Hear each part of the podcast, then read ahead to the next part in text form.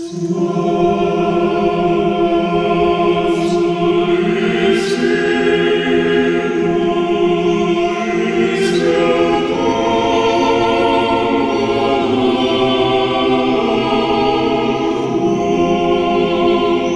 17 juli is het 100 jaar geleden dat Nicolaas II, de laatste tsaar van Rusland, met zijn hele gezin vermoord is in Jekaterinburg in de Oeral.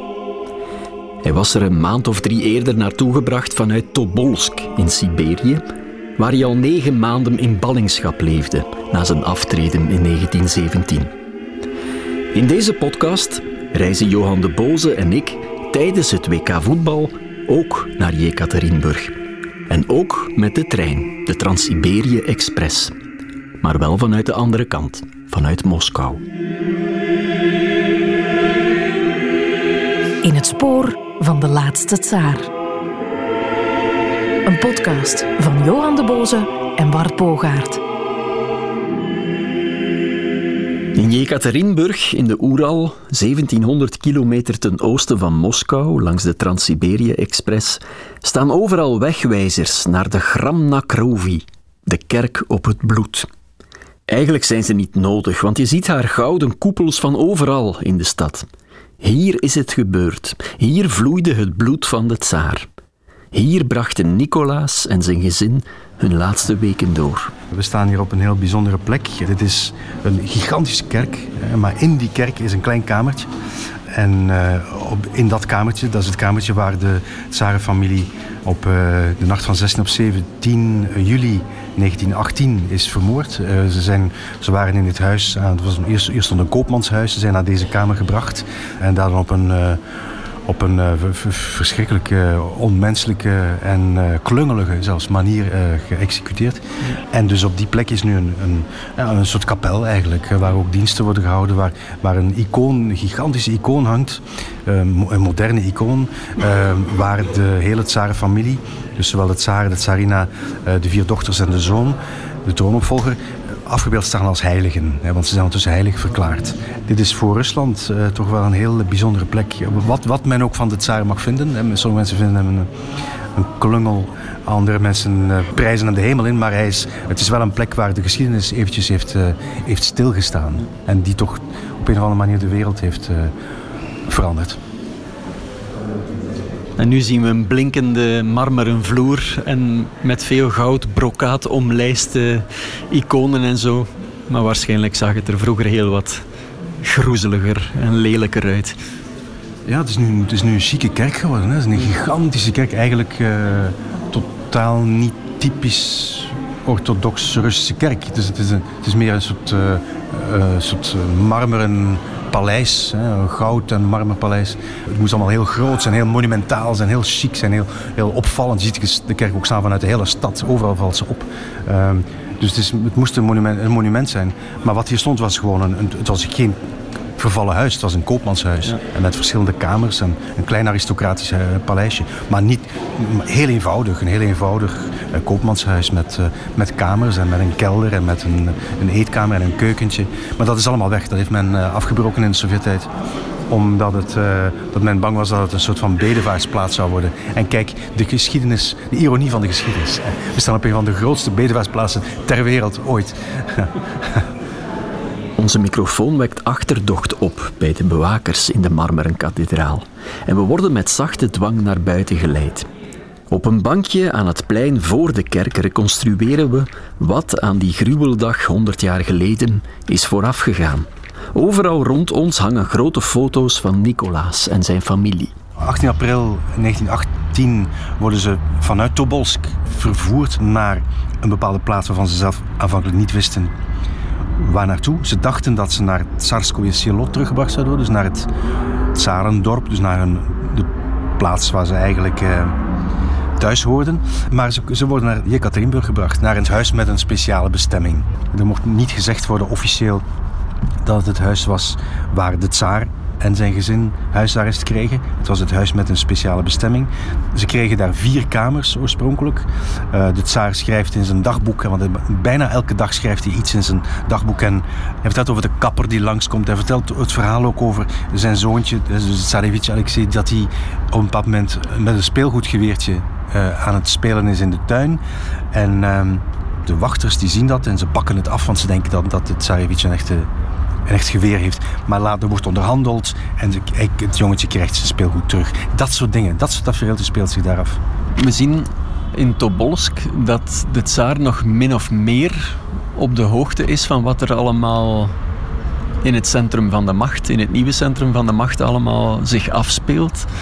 Hij heeft zelfs nog contact met Kerensky, de, de voorlopige bewindsvoerder.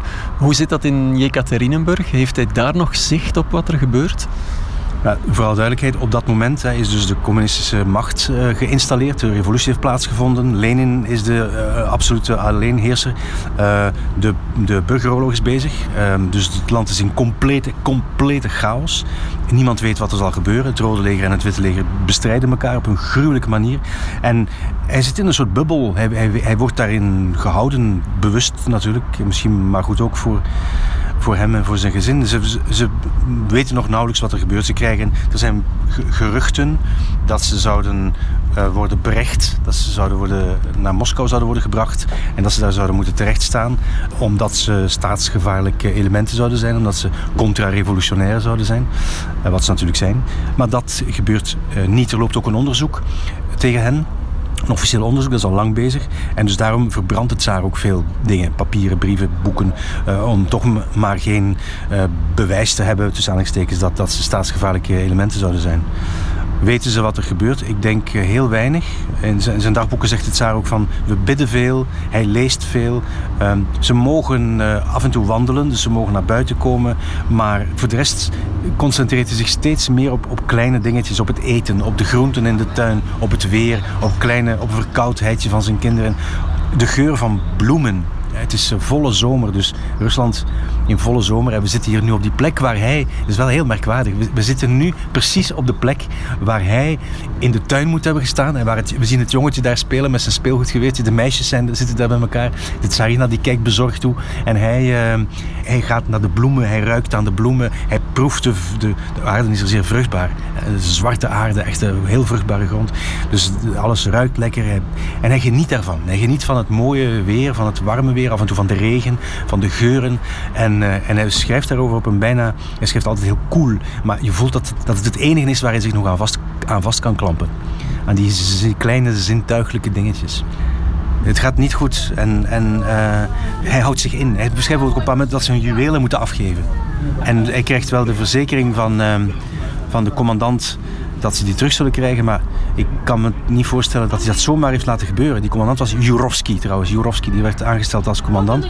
Die probeerde met hen te communiceren. Hij beschrijft over het, over het feit, hij probeert te praten met, een, met de soldaten. En op een moment zijn de soldaten dronken. En dat kan hij natuurlijk ook niet verdragen. Dus er zijn, er zijn, er zijn dingen die erop wijzen dat het allemaal uh, ze, dat het niet goed gaat. En ze, krijgen, ze staan echt onder huisarrest. Ze mogen niet naar buiten. Ze krijgen alleen maar die één of twee kamers uiteindelijk.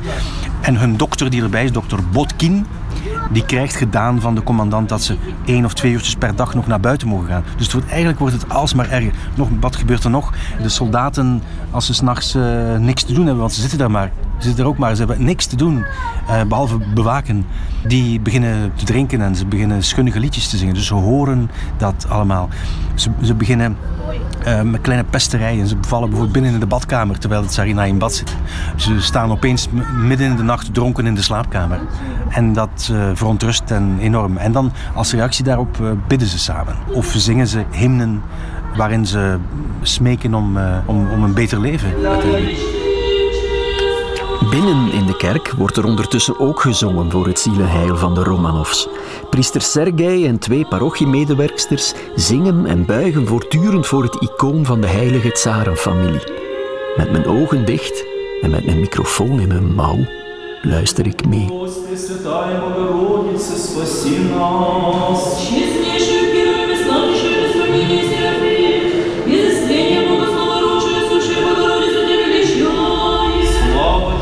Denk niet dat er op de tafel van Lenin of van de, van de nieuwe bolsjewistische machthebbers... dat er een plan lag van uh, dit is wat we precies met het zaar gaan doen. Uh, het land was in complete chaos. Um, men wist het niet. Men wilde gewoon van die tsaar af. Men, tegen het volk zei men van hij is naar het buitenland. De hele familie van de tsaar is naar het buitenland gebracht. Ze zijn in veiligheid. Er werd gezegd ze zijn in Nederland. Bij hun familie eigenlijk, want het Nederlandse vorstenhuis en het Russische vorstenhuis zijn met elkaar verwant. Maar men wist het niet. Dus men heeft uh, bewust opgesloten mm, zonder precies te weten wat er aan de hand was, wat, wat ze ermee moesten doen. En het is pas op het moment dat de geruchten uh, alsmaar sterker werden dat het Tsjechoslovaakse legioen in aantocht was vanuit Vladivostok waren zij onderweg en zij hadden, uh, hadden de, hele Trans-Siberische spoorlijn, die kant dan toch, althans de oostelijke kant, hadden zij al in hun greep. En ze wilden het land veroveren, of in zekere zin, op het Rode Leger. Ze wilden het Witte Leger steunen en ervoor zorgen dat de tsaar uh, dat die bevrijd zou kunnen worden. En dus op het moment dat men dat hoort en dat die geruchten alsmaar sterker worden, valt de beslissing, en die moet heel snel gegaan zijn. Ik denk dat dat in een paar uur gebeurd is. Niet om ze nog eens te evacueren, maar om ze, om ze af te maken. En er werd tegen hen gezegd van, maak jullie klaar, we gaan op reis. Pak zo weinig mogelijk mee. Gewoon een klein koffertje met dingen. Juwelen hadden ze al nauwelijks nog. Hoewel sommigen in hun kleren verstopt zaten. En ze die erin genaaid om toch nog iets te hebben. En er werd gezegd van, we, worden geëvacueerd, want hè, er, is oorlog en uh, jullie zijn niet veilig. We gaan jullie in veiligheid brengen. Dat is wat ze hen, uh, tegen hen zeiden. En uh, wacht in deze kamer. Ze brachten hen naar een bepaalde kamer. Wacht hier, we komen jullie later halen. En toen was het plan er al. Toen was, het al, toen was de beslissing al gevallen, hoewel hij, zij het nog niet wisten. De, buiten aan de wachters die buiten stonden bij het hek van het uh, koopmanshuis werd gezegd van schrik niet als er binnen geschoten wordt. We hebben alles onder controle. Alle lichten werden aangestoken in het huis. Het is ook een, interessant detail. En toen uh, heeft Jorovski met zijn uh, companen besloten om, nou ja, om, de, om de executie uit te voeren. Maar toen was er een van die soldaten die zei van ja, we hadden toch, het was toch beloofd dat we iets te drinken zouden krijgen. het cynisme van de geschiedenis. En, en dan wordt er nog gezopen. Er wordt nog een fles vodka uh, opengemaakt en er wordt nog heel veel gedronken. En dus enkel van die soldaten waren, waren dronken. En dan uh, zijn ze de kamer binnengegaan en hebben ze geschoten. Een van hen was zo dronken dat hij niet meer wist waar hij moest, op, op moest mikken. Echt geklungel. Sommige kogels zijn afgeketst op de diamanten die in de kleren verstopt zaten. Toen men dacht, de kamer was al één bloedbad, dat ze dood waren, bleek dat ze nog niet dood waren. En is er een van die officieren geweest die naar die lijken toestapte en die met zijn bajonet nog heeft in die lichamen heeft geprikt. En onder andere het zoontje zou nog geleefd hebben. Dus het was een verschrikkelijke knoeiboel gewoon. Всех святых земли российской просиявших, и всех святых помилует и спасет нас, яко благ и человека любец.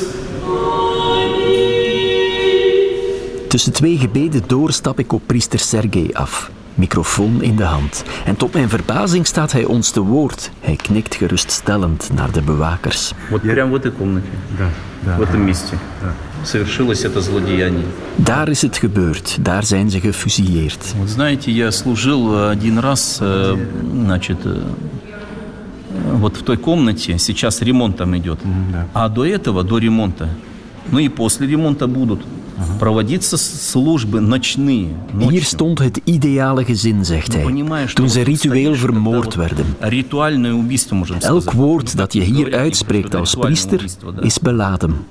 Ik huiver nog altijd als ik denk dat het bloed van deze waarlijk heilige mensen hier in de aarde gedrongen is. А вот тут они Ik vraag hem of het tsarisme nog populair is hier. Ну, для нас, э, в общем-то, христиан, кто знает, читает Евангелие, hij antwoordt met Paulus. Iedereen moet leven in het land dat hem door God gegeven is. Dus wat ik ervan vind, doet niks ter zake. Царь Николай, он был э, лучшим, наверное, из всех царей. Maar het beeld dat ze in de Sovjet-tijd van Nicolaas opgehangen hebben, klopt niet. Hij was een goede man. Hij probeerde het analfabetisme terug te dringen. De economie bloeide onder zijn bewind. Хороший, да, хороший. царь. Россия процветала при нем. Процветала экономически. Ну, во всех, это культурно, э, просвещение, э, вот это ш- школы значит, строились. Э, Ведь было время, что простые люди не могли обучаться. En dan beginnen ze weer te zingen.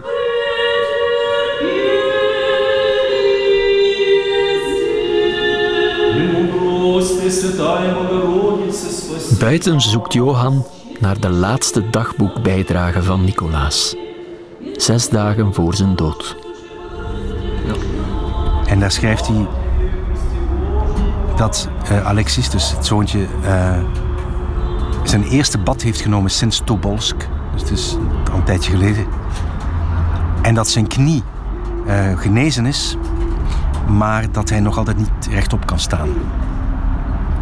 En dan schrijft hij nog: Het weer was warm en aangenaam. We hebben geen nieuws van buiten. Geen enkel nieuws.